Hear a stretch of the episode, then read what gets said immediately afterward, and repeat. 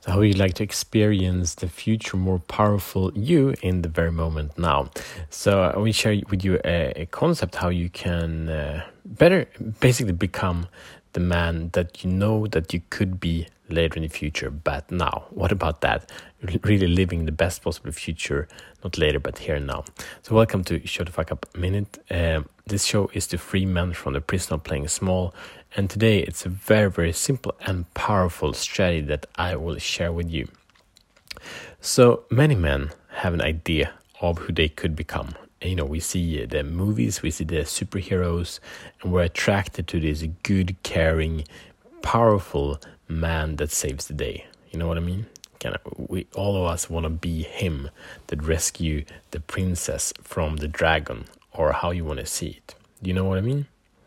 So from this place we um, portray ourselves that we will grow stronger we will grow mentally strong or physically strong or that we will have a beautiful home or a beautiful environment, beautiful people around us, or business success, or whatever it is. And what's really fascinating is that when we look at this man, the future of us, in his success and glory, we can very clearly see character traits of him. Can you into that?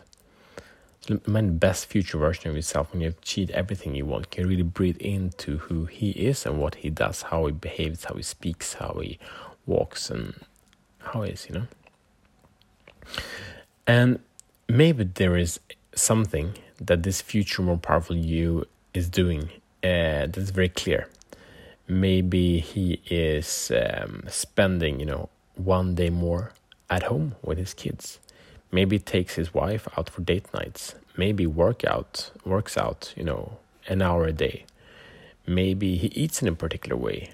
Maybe he plays an instrument or draws makes art. Or maybe he goes for a walk. Maybe he goes out with a group of men and spends time uh, fishing uh, weekly or monthly. Maybe he goes for solitary retreats uh, into the mountains or for hiking maybe he's a public speaker or he uh, makes contribution to charity.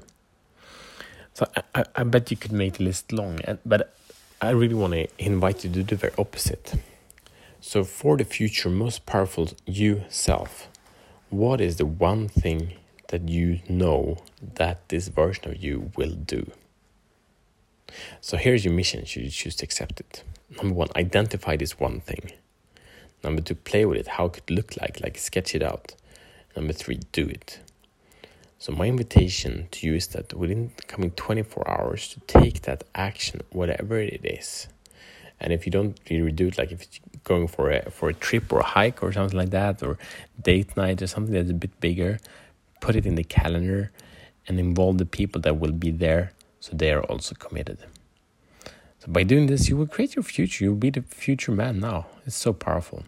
So by doing this and start doing this day by day, a little bit more and more, you will harvest such power and become your own biggest fan. What a gift.